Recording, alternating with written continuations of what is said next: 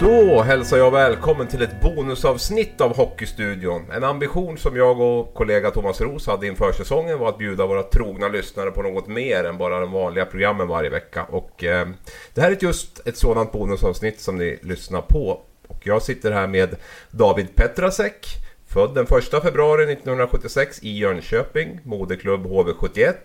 887 SHL-matcher varav 645 för HV och resterande för Malmö. Dessutom 1188 utvisningsminuter. Tre SM-guld med HV71, 95, 2008 och 2010. Poängrekord för backar under en säsong med 53 poäng på 52 matcher och ett VM-silver med Tre Kronor 2011. Välkommen till podden David! Stort tack! Är det krögare som står på ditt vis visitkort numera? Ja, det gör ju faktiskt det. Sen ja. Eh, tre år tillbaks. Du valde ju lite många eh, spelare som slutar väljer en eh, fortsätta inom hockeyn på ett eller annat sätt där. Du, du valde någonting helt annat. Berätta lite grann där. Eh, nej, men intresset eh, har väl egentligen funnits ända sedan du nämnde de åren i Malmö jag hade där nere. Eh, Jönköping tidigt 2000-tal var väl ingen höjdarstad eh, rent så. Eh, restaurang, kafémässigt utan eh, det var ju lite eh, som en helt ny värld öppnade sig under de fem åren i Malmö och eh, där väcktes ett intresse egentligen. Sen har jag haft det i bakhuvudet hela min karriär i stort sett att den dagen jag lägger av så, så vet jag vad jag ska syssla med. Eh, någonting inom café, någon restaurang. Eh, egentligen var det en rip-off som skulle göras av eh, Café Kust eh, nere i Falsterbo i Malmö. Eh, men sen blev det då restaurang El Gordo istället med tapas. Eh, så själva känslan har varit alltid så skön att jag har alltid vetat den dagen jag lägger av vad ska jag göra. Um, vad är det med krogmiljön då som, som har lockat dig? Eller restaurang? Ja men det är ju alltså jag älskar mat och dryck för det första och sen hela miljön. Eh, träffa folk. Eh, fantastiskt. Jobba bland eh, människor och försöka få dem att uppleva det du har skapat eh, så bra som du bara går och eh, få dem att tycka att det är lika bra som du tycker. Ja, men det är en utmaning och det är, det är riktigt kul faktiskt. Har vi besökt El Gordo ett par gånger och det är både gott och mysigt där nere så vi kan väl göra lite gratis reklam. Ja men det är bra alltså, det gillar vi. Ja, det är bra, det är bra. Det finns ju en romantiserad bild av det här med, med krogbranschen och det är många som vill ha restaurang och man vill ha sin kvarterskrog och sen har du varit i den här världen i tre fyra år i alla fall. Är det så glamoröst och häftigt som du trodde från början? Eh, ja men alltså både ja och nej. Eh, själva livet eh, i restaurangvärlden det är väl ungefär som jag trodde. Eh, fantastiskt eh, hur många roliga, trevliga människor som jobbar inom den branschen. Eh, man har väldigt roligt på sin arbetsplats. Eh, det är en utmaning, det är mycket personal i, i, i omsättning. Eh, mycket ungdomar som kommer, jobbar ett tag, vi lär upp dem och sen drar de vidare. Eh, eh, snacket eh, inom eh, restaurangfolket är väl ungefär som ett hockeyomklädningsrum. Vart, här är hälften eh, tjejer som är med i snacket så det är... Nej men det är, det är en härlig miljö. Vad är din huvuduppgift inom restaurangen nu då? Vad är det du gör mest? Eh, det är ju att servera helt enkelt. Eh, ha hand om ett visst antal bord på kvällen och eh, dagarna och se till så att gästerna har det bra. Även stå vid dörren och ta emot gäster när det är som mest tryck fredag, lördagar.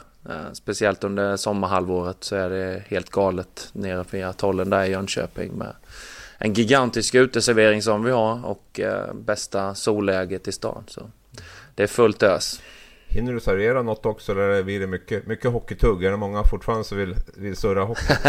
ja, det det går i perioder. Eh, som den här veckan så är det ju underleverantörsmässa här i stan. Så jag, jag snackade nog mer hockey igår kväll än vad jag serverade skulle jag vilja säga. Men, ja, det är kul. Det är, då kommer det liksom eh, folk från olika delar här i landet. Det var mycket Örebrosnack i tisdags och igår var det Färjestad och även en del Malmö. Så, eh, det är spännande. Jag tänkte vi skulle gå igenom din eh, karriär lite grann och, och saker som har hänt och sådär. Jag skulle vilja börja med att läsa upp ett citat som du sa i samband med ditt tacktal den 27 januari 2017 då din tröja hissades i taket. Och, eh, det var bland det bästa jag har hört och som jag tycker är en vattendelare när det gäller det här vad talang och inte är. Vi har haft mycket diskussioner om det där om talang bara är tekniska färdigheter om det finns något annat. Så här sa du. Kämpa på, ge aldrig upp. Talangen tar er en bit på vägen. Men den största talangen man kan ha är att älska sporten och bli bättre och bättre för varje dag. Mm. Eh, kan du utveckla det lite grann? Eh, det var mycket Eh, min egna karriär som jag väger in i det där. Eh, visst, jag hade en, en del talang eh, i de unga åren. Men jag vet också hur mycket jag fick kämpa liksom för att hålla jämna steg med, med mina lagkamrater. Eh, hur mycket mer tid extra jag fick lägga vid sidan om. Eh, för att ta mig till i första hand då till, till de första uttalandena det blir. Och det är ju det här med TV-pucken. Och senare med, med landslag, eh, ungdomslandslag, junior-EM, junior-VM. Och sen senare ut i seniorvärlden. Jag, egentligen under hela min karriär, jag har aldrig fått någonting gratis. Jag har alltid åkt på varje gång det har känts som att jag är på gång eller att eh, det känns jättebra så har det hänt någonting i min karriär. Eh, det börjar med TV-pucken direkt, uttagen veckan innan det ska dra igång så lyckas jag bryta benet på träningen eh, mitt i en övning där vi skulle visa hur övningen skulle gå till. Eh, så jag missar TV-pucken. Eh, jag ser den eh, från läktaren med ett stort gips över hela benet. Och, och då missar jag ju första ungdomslandslagsåren och jag vet hur liksom, jag kommer ihåg hur mycket jag fick, fick träna och kämpa och ta mig ikapp där. Eh, och sen så har det egentligen hållit på hela min karriär och egentligen så, så är det ju först när jag är 35 år som det blommar ut och släpper på riktigt eh, för mig. Och, eh, sen, jag menar efter man lagt av och efter karriären är slut så tänker man inte varför gjorde jag inte så? Varför kunde jag inte ha gjort det liksom bättre? Men till något sätt kommer jag alltid tillbaks att jag, jag gjorde det jag kunde. Jag skulle inte vilja ändra på någonting eller göra någonting annorlunda utan hårt slit och ge aldrig upp drömmen eh, på något sätt. Inte ens när du är 32-33 så gav jag upp utan jag skulle ta mig till den yttersta nivån. Eh, till och med NHL fanns väl i tankarna när jag var i den åldern också. Men dit kom jag aldrig. Men jag fick ändå åka till Ryssland och spela. Jag fick spela VM till slut. Och, eh, följ dina drömmar, jobba hårt så kan du ta det hela vägen. Ser du på det här med, med talang då? Målmedvetenhet, målmedvetenhet, träningsflit, noggrannhet. Är det en talang? Eller är det någonting som alla kan göra? För mig är det ju, det är ju en talang liksom att du, att du älskar just hockeyn eller fotboll eller vad det är nu sysslar med. Att du, att du, att du brinner för den så mycket så du, du gör det där extra hela tiden. Du tränar extra. Du, du älskar, det, det räcker liksom inte med de här träningarna som laget har utan minsta lilla tid så om du står med klubban hemma eller om du står med fotbollen i trädgården och kickar. Det, det tycker jag är en talang och sen hur många kickar du gör? Ja, vissa av de här killarna som när jag fotbollstränar, de är tio år. Jag har killar i laget som gör hundra kickar. De är ju fruktansvärt talangfulla. Eh, jag har killar som har den andra talangen som älskar att träna. De, är, de bor med, på fotbollsplanen och eh, de är långt efter nu men när man summerar det här så många av de där kommer ju vara både i kapp och långt förbi också. Så det tycker jag är en talang. Du har ju sett många unga spelare komma upp också i HV när du själv blev, blev äldre och så. Känner du att det har förändrats det här? Man pratar ju mycket om att eh, finns mening och mål med, men att det liksom är resan som är, som är mödan värd på något sätt. Ser man målet snarare idag lite mer än vad man gjorde än, än att vilja göra den här resan just för kärleken till sporten?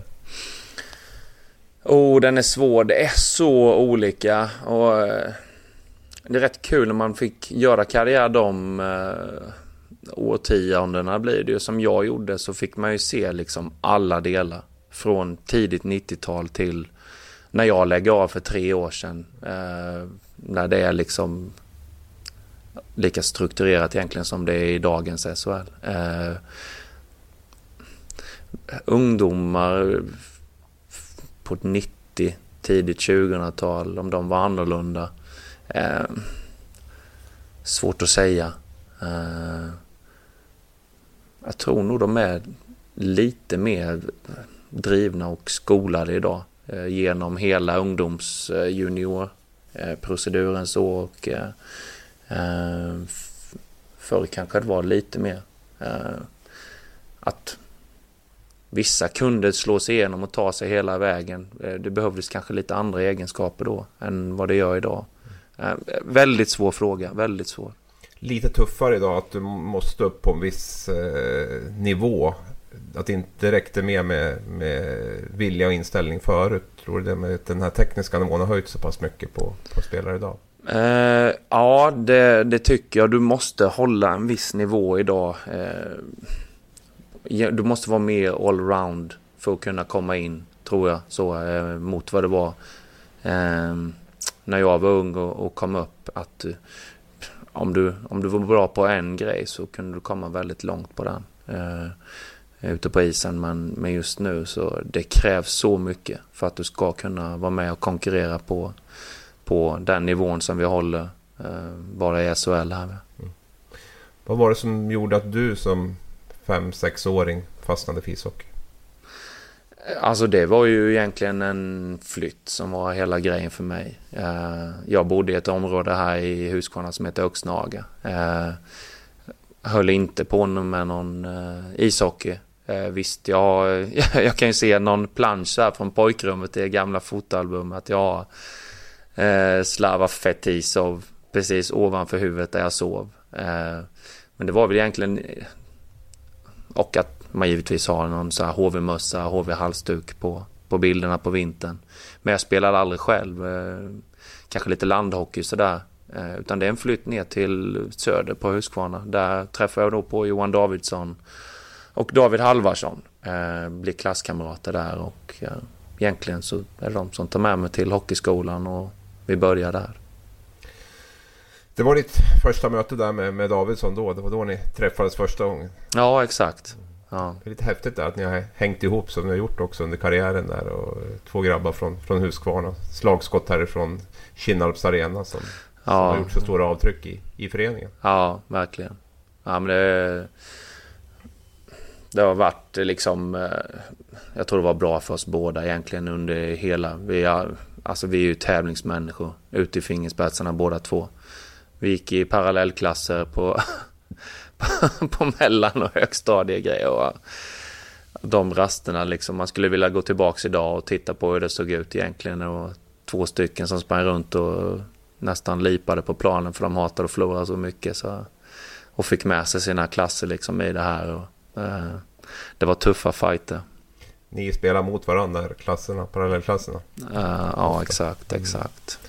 Johan framstår ju som många som en riktig svärmorsdröm och, och, och lugn och, och, och sådär. Men han eh, var starkt tävlingsinriktad redan i unga år.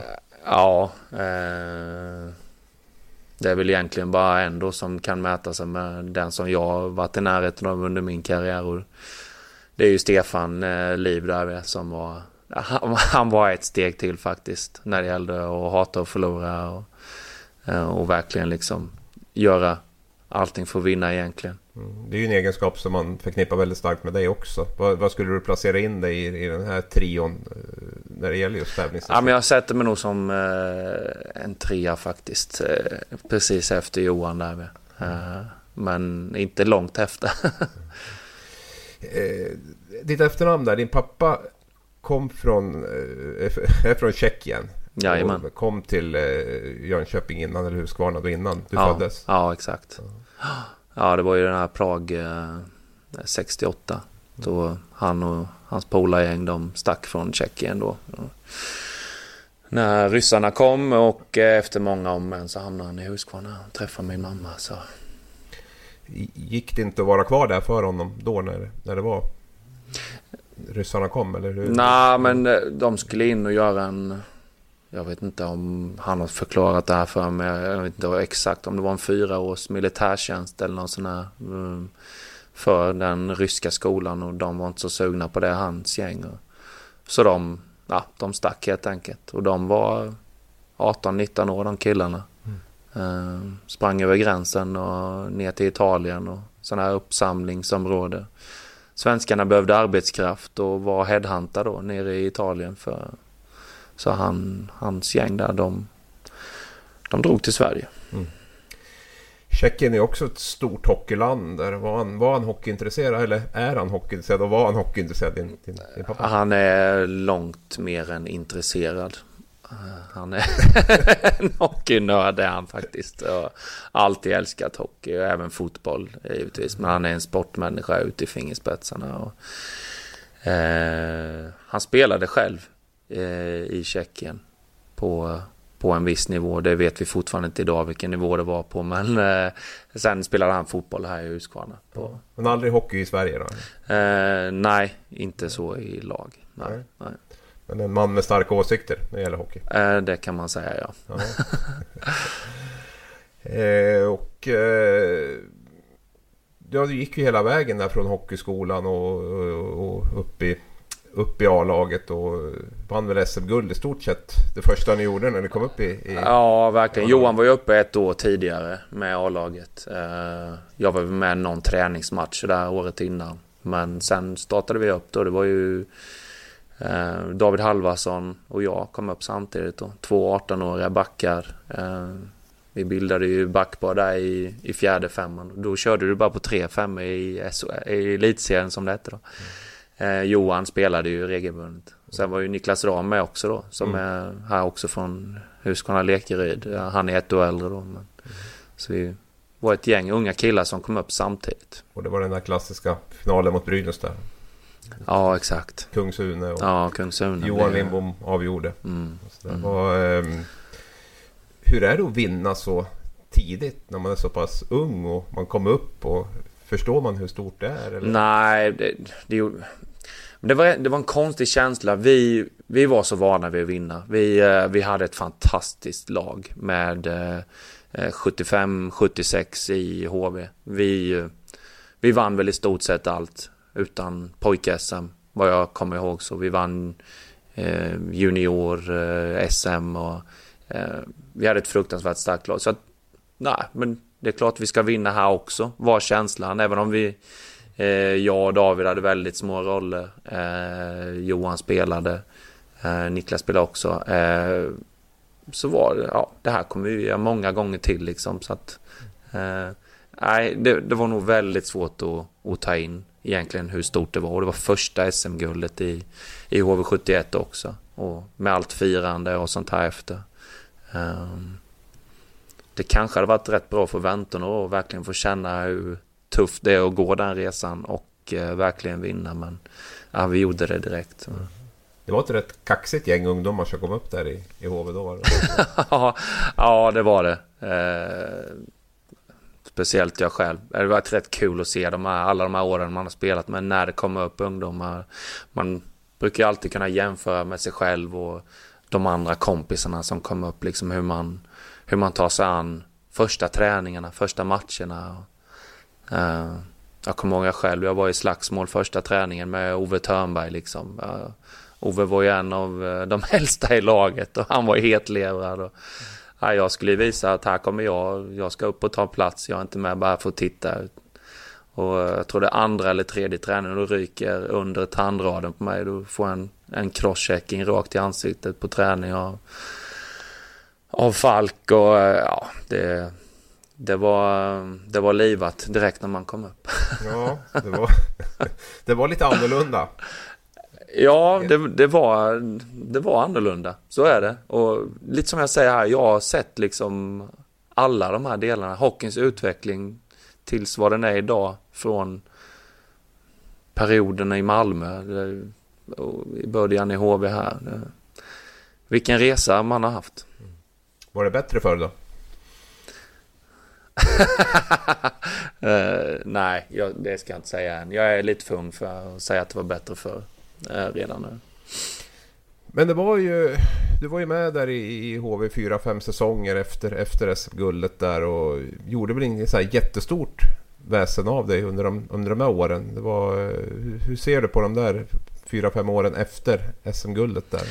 Det gällde unga spelare och HV71 och, och den biten. Ja, nej, men det var tufft. Eh, det var tufft att slå sig in, det var tufft att ta plats. Eh, jag, jag var på väg flera gånger att slå igenom ordentligt. Det kändes jättebra i perioder. Sen när man fick sina dippar så var det väldigt lätt att, att bli av med det förtroendet man hade byggt upp väldigt snabbt. Så, eh, jag spelade JVM-final året efter.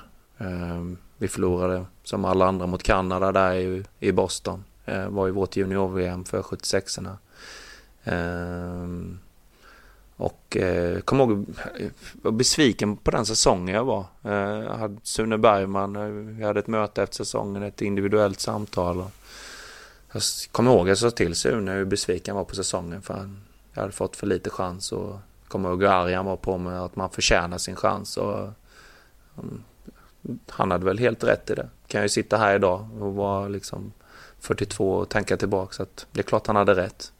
Eh, kändes mycket bättre senare de här två säsongerna som kom efter. Eh, ha en helt okej okay framträdande roll eh, fram och tillbaks.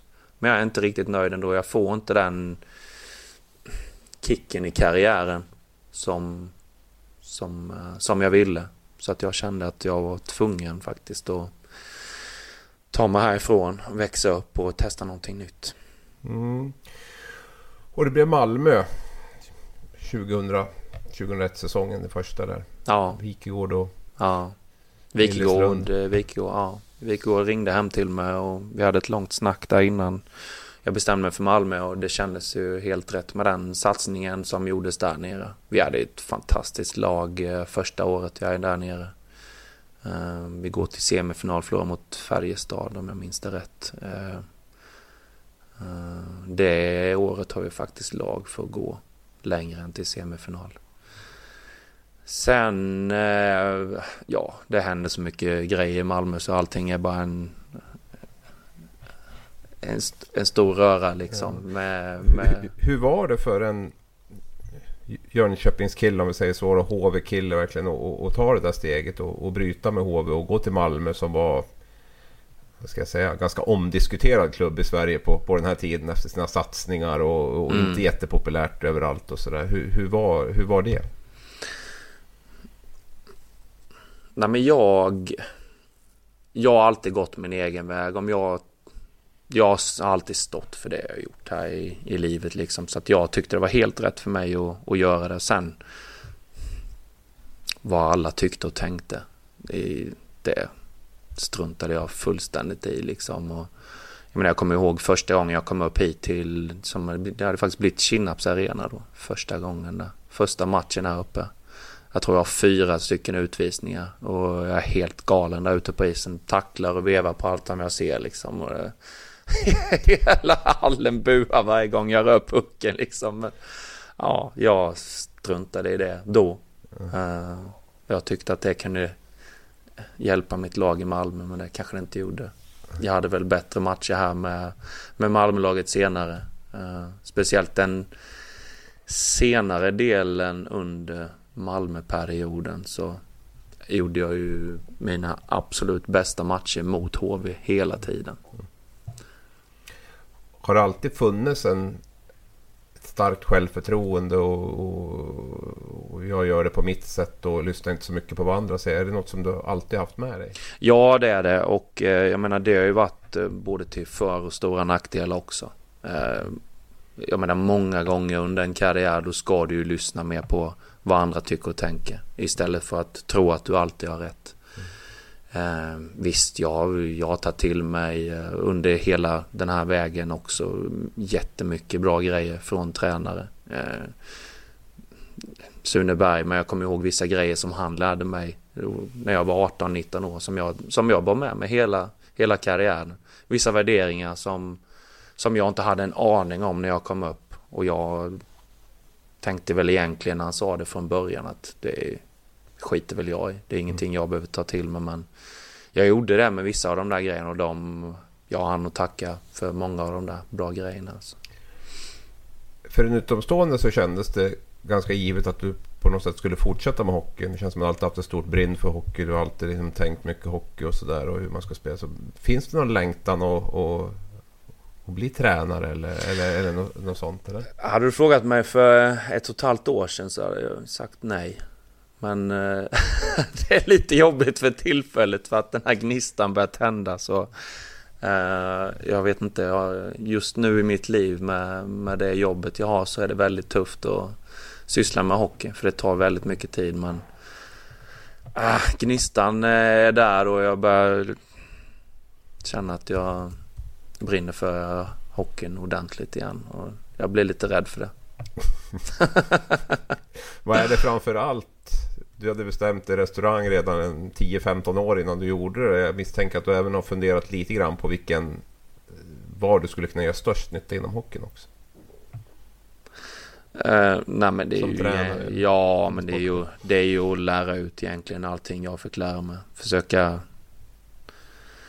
det jag lärde mig på 22, om jag kan lära ut det till killar och det bara ta ett par år eller något, någon säsong. Ehm, eh, det är väl egentligen så, så man tänker. Ehm, man samlar på sig så mycket kunskap under de här åren. Ehm, och det handlar ju inte bara om spelsätt, hur du spelar, utan det är egentligen hela ditt leverne och allting runt om. Och att man ska ta chansen eh, när den finns och inte vänta som jag gjorde. Ser du på all den här statistikbiten som har kommit in? Jag misstänker att du fanns en del i alla fall i sista säsongen du spelade där. Men det är ju väldigt mycket runt det här med Corsi och ja. typen av mer avancerad statistik. Mm, där. Mm, hur, mm. hur bevandrad är du där? Och vad, vad? Nej, det är jag inte. Jag har ju en del kontakt så med, med mina kompisar. Då. Dels Niklas Ram då, som är backcoachen i HV och sportcheferna Johan gånger två. Eh, jag har väl frågat Niklas en hel del gånger så. Han har väl lite svart bälte i sånt där nästan? Va? Han är ju alltså nördarnas nörd på det där. Han följer det slaviskt och um, det har ju funkat bra. Ja. Är det en fara att man Tappar lite sin själ hockey? Eh, jag vet inte. Eh, jag är nog ingen fantast, tror jag inte. Ändå så frågar jag han ibland om vissa spelare. Vad hade han och vad hade han? Eh, jag har en viss känsla liksom, men ganska många gånger så så stämmer inte den känslan man har. Eh, just vad, hur det har sett ut under matchen. Så där kan det nog hjälpa en del, men nej, jag är nog lite mer old school känns det som mm. och gå på egna känslor. Det tror jag. Tänkte avsluta den här Malmö-tiden där bara. Du hade ju en del, eller ni hade ju en hel del färgstarka tränare under de här eh, fem åren du var där. Jag tänkte Niklas Wikegård, Pelle Bäckman, Mats Lust. Dan Hober var där ditt Hober sista år också. Där, vem, ja. vem var galnast av de här?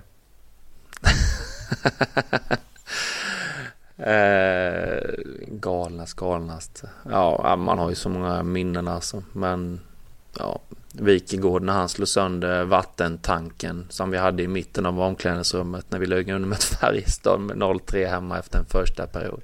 När det blir någon slags eh, baksug i den här. Han slår alltså ett hål på den. Så att hela den tanken, vi snackar ju en säkert 15-20 liter töms rakt i ansiktet på honom på en halv sekund. Och den tystnaden som är omklädningsrummet när det har hänt. Ingen vågar visa någonting. Och han går ett varv och stirrar på all, spelare efter spelare. Om någon hade garvat där åt honom. Då hade det hänt grejer kan jag säga. Men så fort han, det var ju gamla omklädningsrummet i Malmö stadion, då var det faktiskt två dörrar emellan till tränarrummet. Så han, när han har gått ner och stängt dörren efter sig, hela laget börjar askarva och vi ligger under med 3-0 efter en första period. Det var en sån här, det kommer man aldrig glömma. Ja, jag tänkte jag skulle lägga in lite såna här klassiska snabbfrågor också eh, som du får svara på. Och eh, börja med den bästa spelare du har spelat med. Eh, rent eh, så här skillsmässigt isen eh, alltså i, eh, när jag spelade Novosibirsk. Jag var bara där några månader, men det han gjorde, han var 19 år, han var helt omöjlig att stoppa. Eh, 107 kilo, 1,90 och snabbast i laget. Helt eh, magiskt så. Men under en lång tid och en spelare som man vill ha med sig i laget, då är det Johan Davidsson. Mm. Bästa spelare du spelat emot? Ja, jag mötte Peter Forsberg i lockouten. Uh, och jag tycker att han är den bästa som har spelat under den tiden jag spelade hockey. Peter. Bästa tränare du har haft? Rent så tränarmässigt bygga upp under en period. Uh, per Mårts utan tvekan. Det han gjorde i HV. Eh, det är egentligen där HVs, han startade ju hela HVs storhetstid, 2000-talet. Ehm, sen när han lämnar så är det ju först eh, Kenta som kommer in. Han är helt rätt för den tiden som var efter Mårts. Det han hade gjort och byggt upp här. Sen kommer ju Janne Karlsson som verkligen gick all in på mig och satsade 100% på mig. Ehm, en av de få tränarna genom hela min karriär som gjorde det. Och ehm, det är ju min absolut i särklass eh, bästa säsong jag, jag gjorde. Bästa upplevelsen på en hockeyrink?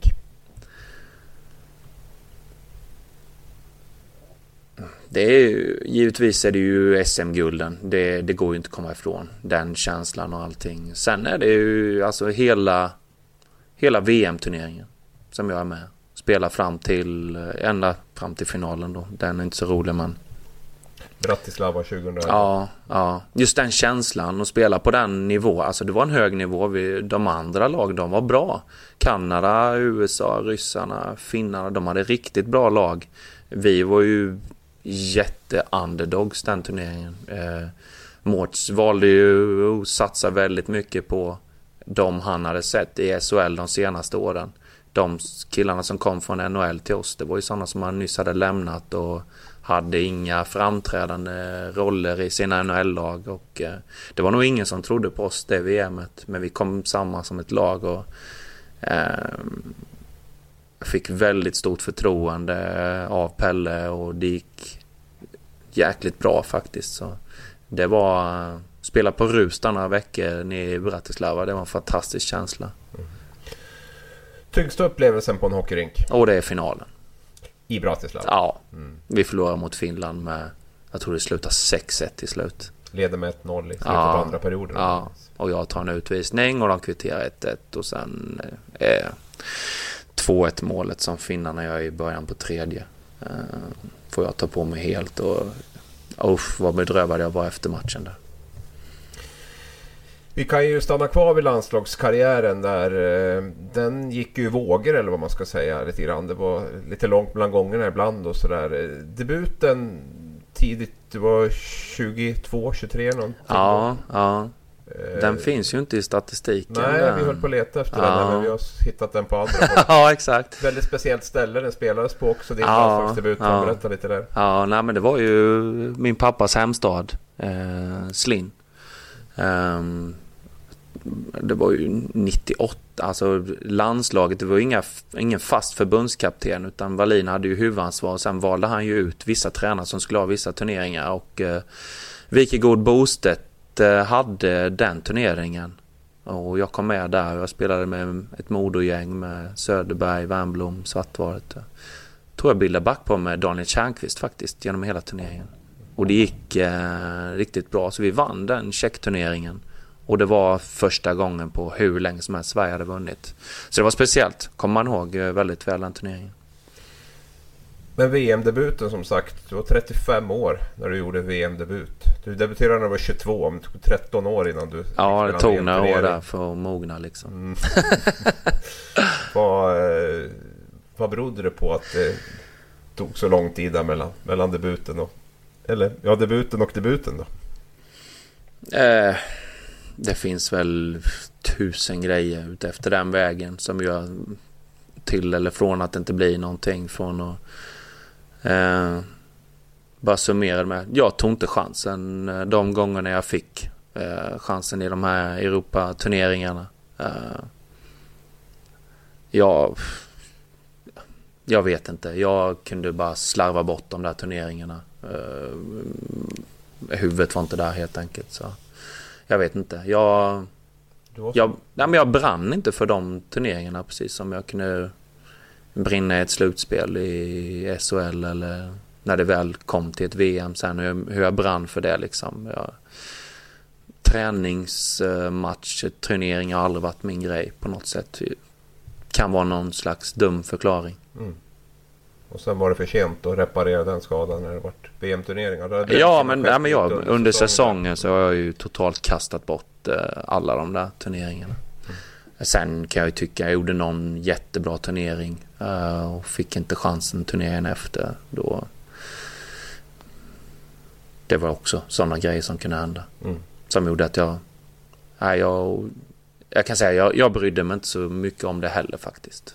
Om jag ska vara helt ärlig.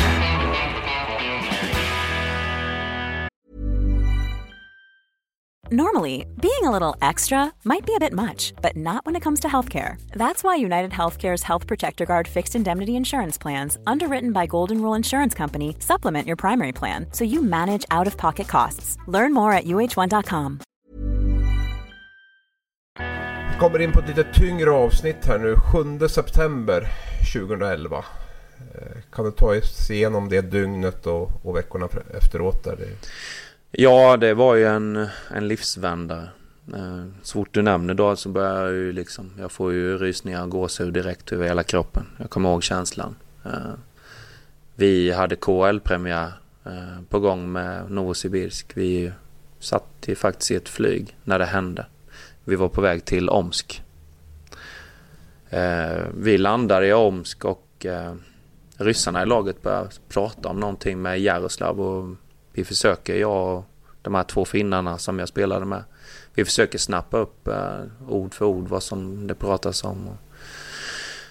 Från början har det hänt en olycka med någon i Jaroslav till ett, de har flygplansstrul till flygplanet har kraschat och det är en skadad eh, till att det är två omkomna till att det är två som har överlevt. Ja, de de timmarna jag, efter där, jag, jag kommer inte ihåg så mycket faktiskt. Jag kommer ihåg att jag sitter på hotellet och uh, jag kan, alltså jag sitter bara och gråter och gråter. Jag ringer några där hemma som inte vet om någonting än. Uh, jag kommer ihåg min tränare uh, Juskevich då. Stefan hade ju varit i Sibirisk året, året innan och uh, när jag öppnar dörren så står han där och gråter. Alltså den tuffaste människan på jorden. Och, han kramar om mig och säger att jag behöver inte följa med ner på, på matchvärmningen. Och sen kommer jag egentligen inte ihåg någonting förrän eh, ceremonin här hemma i, i Kinnarps arena för Stefan tre dagar senare. Det är helt svart i stort sett där. Eh, ja, det finns väl eh, något eh, minne jag kommer hem. Eh, och det, ja, det mest, alltså känslostarka jag varit med om. Det är, jag byter flygplan i Moskva. Och jag bara känner att någonstans här så finns eh, Anna Liv då, Stefans eh, fru. Eh, på någon, någon konstig känsla. Jag bara... Jag springer, jag ser, jag, jag ser en, ett flyg som ska gå till, om det var Stockholm. Så jag springer till den gaten. Hon är precis på väg att checka in där. Det var bara någon, någon kraft, någon känsla i kroppen som gjorde att så jag fick se henne där och fick ja, hålla om henne i någon minut innan hon skulle vidare och jag skulle vidare hem till eh, totalt blackout. Ni flög med olika plan från Moskva där du var, du var Anna? Ja, mm. ja. Hon var på väg till Jaroslav och jag var på väg hem. Ja. Spelade ni match den, den kvällen då eller hur? Nej, Nej. den ställdes in. ställdes in. Ja. ja. Och det är just det, jag kommer inte ihåg någonting när vi tar oss hem till Novosibirsk. Flygbiljetter, hur kom jag till? Jag kommer inte ihåg någonting. Och det här var ju... Du hade ju gått från Dinamo Minsk till Sibir den här säsongen och Stefan hade lämnat Sibir och gått till, eh, till Lokomotiv där. Du, du... Stefan, ja, och det är under VM allt det här händer. Eh, med förhandlingar fram och tillbaks. Vilka lag jag och Stefan vill hamna i samma lag. Vi vill köra ett år ihop i, i KL verkligen. Och han tjatar på mig, Jaroslav, Jaroslav, Jaroslav. Och jag, ja, jag vill. Jag vill och de är intresserade. Eh, vi mötte Jaroslav i slutspelet med Minsk. Eh, vi kom åtta i serien. Och de kom etta och vi åker ut i sjunde avgörande mot Jaroslav där. Och, jag, ja, jag spelade fantastiskt slutspel spelade kanske, som jag gjorde ibland, över min förmåga. Mm. och eh, det var väldigt långt gånget med att jag kanske skulle ta Jaroslav, men de backade över sista stund. Och därför sitter jag här idag. Eh, och då blev det Sibir istället. Du kunde lika gärna ha varit på det planet. Det var jättenära. Istället då så, så var du, fick du sitta i omklädningsrummet där och så Stefan hade suttit året innan där. Jag förstod som att du hade platsen ja, bredvid. Ja, platsen bredvid. Ja. ja. Och det, det var ju fint gjort av givetvis att hedra Stefan. Det var ett foto och det var färska blommor varje dag och hans matchtröja hängde. Men för mig då komma till, till träningarna varje dag och matcher och se och bli påmind hela tiden och komma in efter första perioden, titt, stirra rakt in i hans fot och komma in efter andra perioden, stirra rakt in i hans. Det, det var en tuff tid. Det var en väldigt tuff tid. Du var ju verkligen på toppen av din karriär här också. Man säger. Du, hade, du hade slagit poängrekordet hemma i SHL där. 2009-2010 var väl det. Du har spelat VM där. Du var, hade fått eh, KL-spel med, med Dynamo Minsk där. Mm. Och det var, du var verkligen ja, jag är på toppen. Där ja, ja, ja, och den försäsongen så är det ja. pikarnas peak. Jag, det är han Tarasjenko jag nämnde här innan. Tillsammans med de här finnarna. Lehtere spelar ju i Philadelphia idag och eh, Eh, Jonas Enlund, jag vet inte om han spelar i KL. Ja, vi har total, total lekstuga med alla motståndare hela försäsongen. Och vi öser in mål och poäng i de matcherna. Och ser verkligen fram emot den här starten med den superfemman som de hade skapat.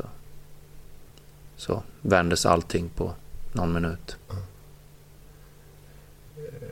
Du, du spelade kvar i Sibir en, någon månad där och, och, bytte sen till... Ja, jag spelade alltså det gick, det, det, gick väl på något konstigt sätt så gick det helt okej. Okay. Och eh, jag vet inte vad som hände än idag men helt plötsligt så...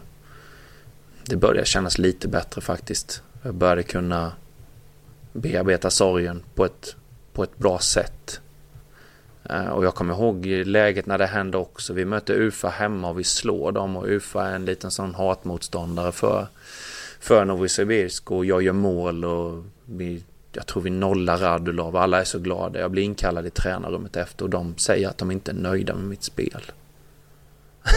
och jag, alltså jag, en blixt från klar himmel. Eh, jag förstod ingenting. Och sen började jag förstå att då hade det hänt någonting, att de ville ha någon trade-affär och där började det.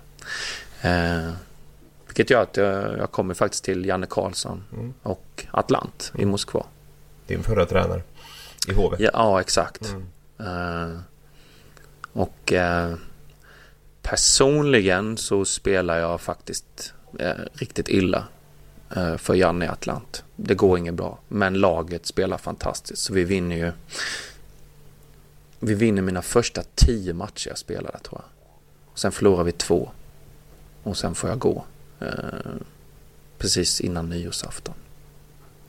Så det var en ny smäll faktiskt. För jag, jag trivdes där. Det var ju Patrik Zackrisson, Jonas Andersson. Mm.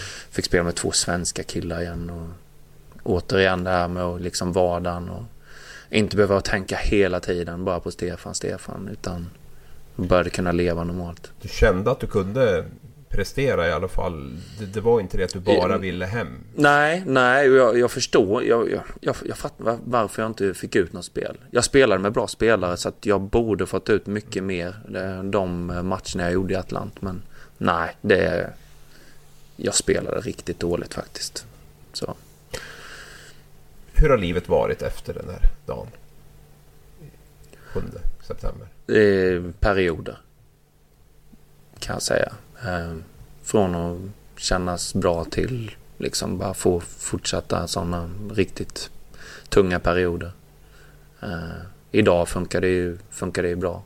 Eh, vi samlas gänget en gång om året och eh, träffas och pratar om gamla minnen och allting. Och givetvis Stefan är med oss hela tiden så. Eh, vi pratar om honom ofta men eh, just, ja. Det är rätt konstigt det där hur man kan bearbeta en sorg. Ja. Idag så skrattar vi åt grejer som hände tillsammans med honom istället för att gräva ner sig. Hur funkar en sorg? Så läker tiden alla sår? Inte alla, men, men ja, den läker sår. Mm. Det gör den. För mig känns ju, du har alltid känts som en spelare som när det är på isen så är det på, på liv och död om du förstår mig rätt. I, i alla fall i sporttermer där. Förändrades den eh, det mindsetet, om man säger så, efter det här hade hänt? Ja, det gjorde det. Hockey det gjorde kändes det. inte riktigt... Nej, ja. nej, nej, det gjorde den inte. Uh, men det är samma där, det gick i perioder. Uh, det kunde kännas fruktansvärt bra. Från i nästa period så var jag helt under isen. Och det följde även med mig hem till HV uh, eh, efter Atlant. Jag var alldeles för ojämn mina sista säsonger. Vissa perioder så kändes det jättebra. Sen var jag rent usel i andra perioder. När du ser tillbaka du har lite distans på det här nu. Du spelade till du var 39. Mm. Eh, borde du ha slutat tidigare? Nej, det skulle jag inte gjort. Men jag skulle tagit hand om mina skador. Det ångrar jag. Det är en av de så här få grejerna som jag ångrar min karriär. Att man kan faktiskt vara skadad. Man kan ta ett och kliva åt sidan och rehabträna tills man är fit for fight. Det går inte att åka runt halvskadad under långa perioder. Det går inte att prestera på den nivån som, som det ändå hade blivit. Eh, så det ångrar jag då. Jag skulle aldrig spelat eh, så som kroppen kändes. Utan jag skulle tagit hand om Var det en drivkraft att du inte ville svika laget? Eller ja, var det något? Ja. ja. Jag, jag, jag vågade inte steppa åt sidan. Eh, för då skulle jag inte kunna påverka någonting utan jag visste så länge jag är med i alla fall och spelar. Jag behöver inte vara bäst men jag är i alla fall där och kan påverka. I pauser, i under spelets gång och allting. Det är egentligen jag, jag brydde mig egentligen inte så mycket om mitt egna spel så liksom att jag kunde acceptera att jag inte spelade bra men på något konstigt sätt så tyckte jag, eller bara kände jag ändå att jag måste vara med här för annars kan det gå åt helskotta. Du skrev ju tre och ett halvt års kontrakt om jag minns rätt där med, med ja, HV när du lämnade Atlant där. Jag minns att jag skrev om det där och jag, Växjö var väl också involverad, lite sugen där då och, och, och ta det. Hur nära var det att du hamnade i Växjö istället för HV71? Eh, nej, jag träffade Evertsson faktiskt. Det gjorde jag. Mm. Nära, det vet jag. Jag vet inte. Nej, det var inte nära. Sen när väl eh, diskussionerna med HV var klara så, så bestämde jag mig ganska omgående. Eh, men visst, eh, det det Växjö la fram till mig. Jag gick igång på det fullständigt, hur deras plan var. Jag tyckte den egentligen passade mig perfekt. Mm. Växjö var ju ganska nya då och färska. De ville ha mig som hade varit med. Jag hade sett allt. Jag visste hur det skulle gå till för att bli ett vinnande lag och de hade en fyraårsplan på hur de skulle vinna den. Mm. Och det sjuka är att, eller de gjorde exakt det Henrik sa till mig där på motellet i Ljungby. Det var exakt det som hände. Så uh, han klarade det utan mig. Det... Ett motell i Ljungby. Där ni ja, träffades. Ja. ja. Istället blev det några ganska röriga och turbulenta år som avslutade karriären då i HV71. Både för klubben och, och för din egen del. Ja, verkligen så kan man säga. Mm.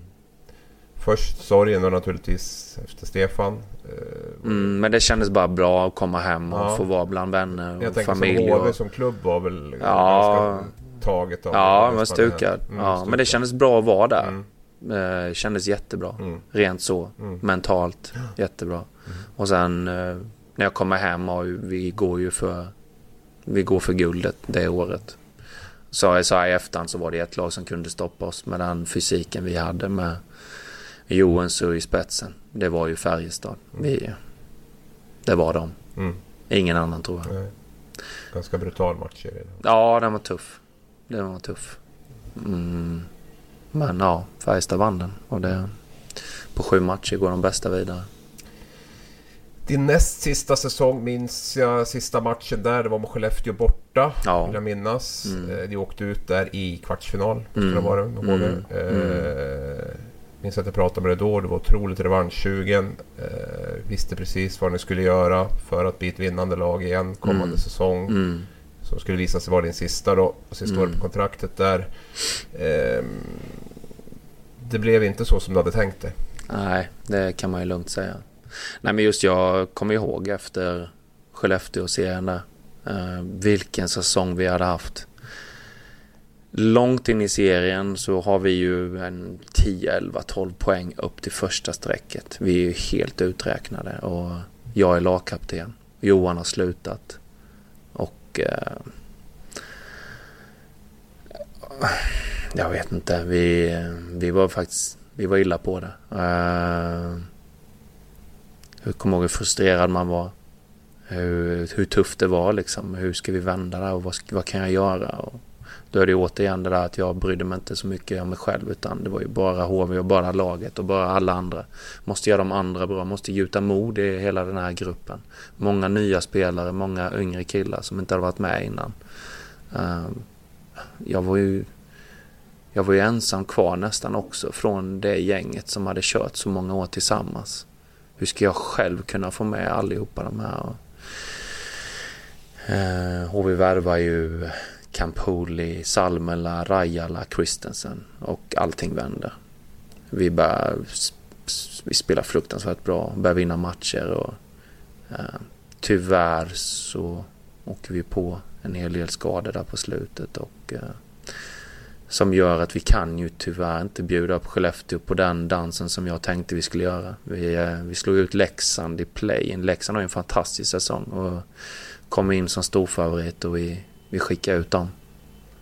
Och då vet man alltid den känslan, det självförtroendet är att slå ut någon, det spelar ingen roll om det är en kvartsfinal eller om det är play-in. Den eh, som vi hade med oss där, men det kostade oss för mycket. Det kostade oss Salmela, Campoli, Mackan Nilsson. Och jag själv blir skadad också mot Leksand. Det Kostar fyra stycken. Så går vi in mot Skellefteå.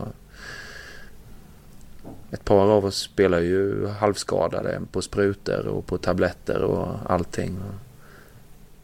Vi är nära dem. Vi är faktiskt nära. Vi åker ju med uddamål här hemma och ju mål med några sekunder kvar. Vi vinner en match och vi förlorar någon sadden och vi förlorar någon med uddamålet där uppe.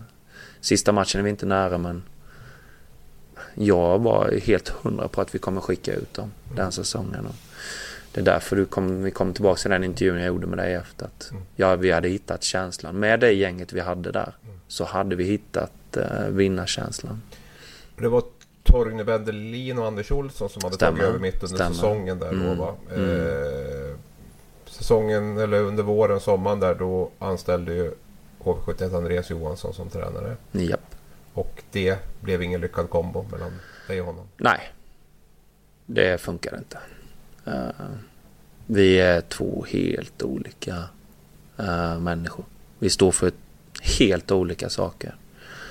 Och eh, jag märkte det inte direkt, men det var killar i laget som märkte det direkt. Eh, jag försökte eh, så länge jag bara kunde eh, göra allt och stanna kvar och vara ge energi och vara positiv med det, med det ledarskapet han stod för och alla hans värderingar och det han tyckte man skulle göra för att bli ett vinnande lag. Det var ju helt tvärt emot allting som jag var van vid.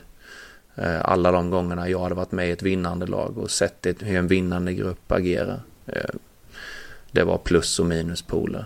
Så att det, På, på vilket sätt var det plus och minuspoler? Utveckla det. Alltså om du ska bli en, ett vinnande lag, om du ska ha längre framgång, då måste, du måste göra det tillsammans. Du kan inte göra det en och en och, att, och satsa på vissa killar eller bygga intriger inom en grupp. Det, det funkar liksom inte. Utan du måste vara ett lag som gör det tills, ihop. Och vi var ett lag totalt i spillror. Eh, efter en bit in på den säsongen. Det var små grupperingar och skitsnack och massa eh, dumma saker hela tiden. Och jag kände väl efter, men det tog, det tog lång tid i alla fall, men på slutet så var jag helt energilös. Det fanns ingenting kvar. Du var ju lagkapten året innan där redan inför säsongen, sommaren där fick du reda på att du inte skulle vara mm, lagkapten mm. istället. Kände du inte redan då då? Nej, det gjorde jag inte. Jag, jag blev förbannad och jag sa vad jag tyckte. Men jag accepterade det. Och jag, jag sa till Ted tydligt att jag gillar inte det här, men du är kapten nu och jag kommer backa dig och du kommer ha mig snett bakom dig hela den här säsongen. Jag kommer hjälpa dig. Jag är på din sida. Och det har vi pratat om efter jag Ted liksom. Mm. Så att det, jag accepterade det. Men jag var förbannad. Med distans till det då, fanns det någonting du kunde ha gjort annorlunda den säsongen för att relationen skulle ha fungerat bättre? eh, nej, den relationen har aldrig funkat. Det går inte. Men eh, vi kan gå tillbaka till det här med skador. Eh, jag var totalt eh, fördärvad i en handled och i två höfter eh, som gjorde. jag, kunde, jag kunde inte åka skridskor för jag hade så ont i höfterna. Och sprutorna bet inte längre i höfterna. Utan då var det operation som gällde. Och en längre rehabperiod. Och det tyckte jag inte jag kunde göra när jag hade kommit upp i den åldern. Handleden var helt slut också. Uh, hade spelat med bruten handled där säsongen innan i tre månader. Väntat med operationen. Uh, tog operationen på sommaren och kom in och började säsongen med få, få en, uh, en ja, gipsad handled kan man väl säga. Med ett skydd som gjorde att jag kunde inte röra handleden. Och, men skulle du ens ha försökt att spela då? Ja, men då... Jag vågade inte stå vid sidan. Nej. Där tänkte jag, om jag är med så kan jag påverka. Om jag är vid sidan så... Mm. Då, har man, då ska man inte säga någonting utan då är man vid sidan. Det, det är lite så min känsla har varit liksom. På vilket sätt skapades det intriger då i små grupper och, och, och på det sättet där? Att det var splittringar i laget och vad, vad var det som... Abris, det här känns som det är utraderat det redan genom, genom media. Vad det var som hände. Det läckte ut en hel del efter säsongen där. Mm. Så det, ja, det är så tragiska saker som hände så att jag, jag orkar faktiskt inte prata om det igen. För det är så dumt och korkat. Mm. Eh, hur illa ute var HV tycker du den här säsongen och, och efter, efter det då, som, som klubb? Ja, HV var i botten. Eh, och det som hände efter säsongen, hade inte det hänt om, om alla hade accepterat och gått vidare med samma gäng bakom rodret så är jag eh, rädd för och nästan övertygad om att eh, HV hade varit där Modo är då. Jag minns din sista match. Du måste vara Linköping i slutspelet. Mm. Till och med att det var hemma här i Kinnarps arena va? Mm. Och du fick sitta på bänken. Mm. Inte på läktaren utan på bänken. Mm. Eh... Ja, men det var ingen... Det var, det var... Jag ville sitta på bänken. För då kunde jag ändå vara med och påverka. Nu är vi där igen. Då kan jag vara med. Jag är med i omklädningsrummet. Jag kan pusha liksom och jag kan vara med. Uh, så det, det så vill det var du bekväm med? Ja, ja, ja. Inga ja, problem. Nej, nej, nej, inga problem. Men ändå. Hur var det att avsluta den karriären? Sittandes på bänken, förlora en slutspelsmatch mot, mot Linköping. Då? Det var väl inte riktigt det slutet? Nej, det är klart det inte var. Och ju, energin var ju... Ja, det, det, var tomt liksom. Och kroppen också. Både mentalt och fysiskt var det ju helt tomt. Så att jag det är klart du vill sluta på toppen och du ska vill lyfta bucklan och lägga av. Eh, men så som det var där så... Ja, det var liksom lättnad också att... Ja, pressen är inte på mig längre. Släpp det här nu. Mm. Mer så. Och sen eh, du funderade lite under hösten där efteråt om du skulle, skulle fortsätta. Du var 39 då. Mm, Eh, mm, men mm, till slut mm. så mm. tog du. Men det blir alltid så just när säsong slutar och sen går det några veckor och så börjar det klia i muskler och allting och man börjar röra på sig och huvudet vill ju en sak liksom att fan, sen kanske läka här nu under bara du får vila lite. Eh, och jag försökte ett bra tag men sen var det ju någonting som skulle liksom locka mig också just med, med om jag skulle skriva kontrakt någonstans så skulle det vara någonting som som jag verkligen brann för och ville göra. Och... Men jag hittade inte den. Du har två grabbar idag. Jajamän. Sebastian och Cesar. Yes. 10 och 5. Mm. Blir det någon ny Petrasek tror du på ja, men, ja, det, SHL-arenorna? ja, vi får se. Det finns förutsättningar. De spelar båda två. Jag har en stor som har, som älskar hockey. Gjort sedan han var något år. Bara gått runt med en klubba och spelat och eh, hållit på hela tiden. Eh, han spelar i HVs U11 här. Eh, och sen har jag en liten som som egentligen inte såg mig spela under min karriär och hans hockeyintresse det har växt nu sista halvåret, året. Nu är det han som har tagit över där hemma och det är bara hockey. Och de här guld-DVD-erna som HV gjorde efter SM-gulden, den går på repeat hemma. Varje dag ska han sitta och kolla. Och han, eh, han börjar kunna de där filmerna nu och börjar ställa frågor. Varför gjorde du så? För, Ja, det, det är kul att se så att eh, hockeyn har gnistan och tänds liksom i den här lilla.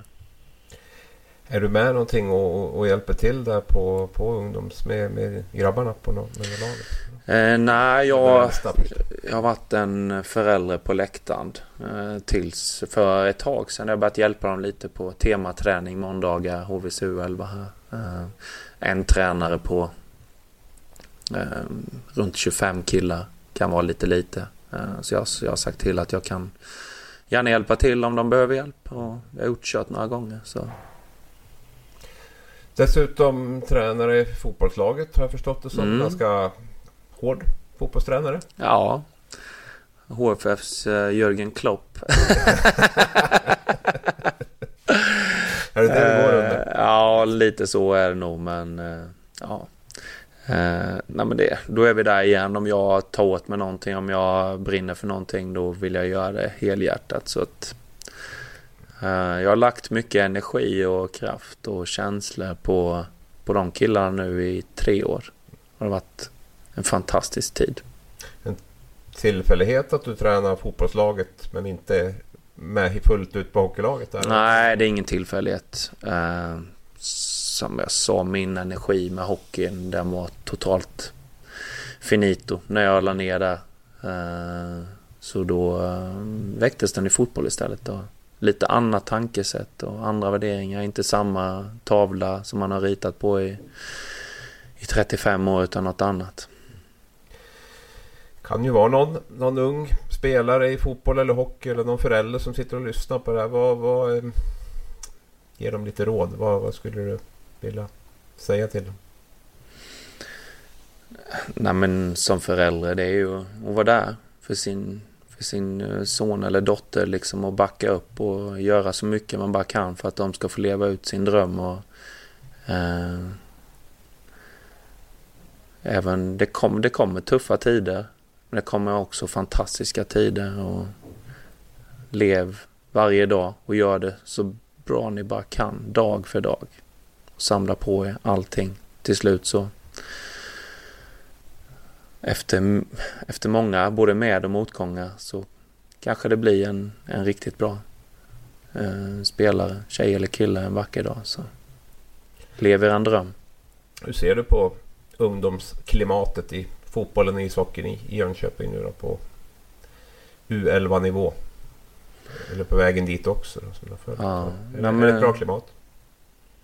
Ja, det tycker jag. jag gillar det här. Uh, Eh, det är seriöst och det är eh, bra utveckling och man ser den chansen, den, eh, de möjligheterna som, som HV ger de här ungdomarna är ju fantastiskt med alla dessa träningar varje vecka och spontanidrotten är, blir ju givetvis inte så stor som den var då när jag växte upp. Att vi fick ju någon träning i veckan resten av tiden då.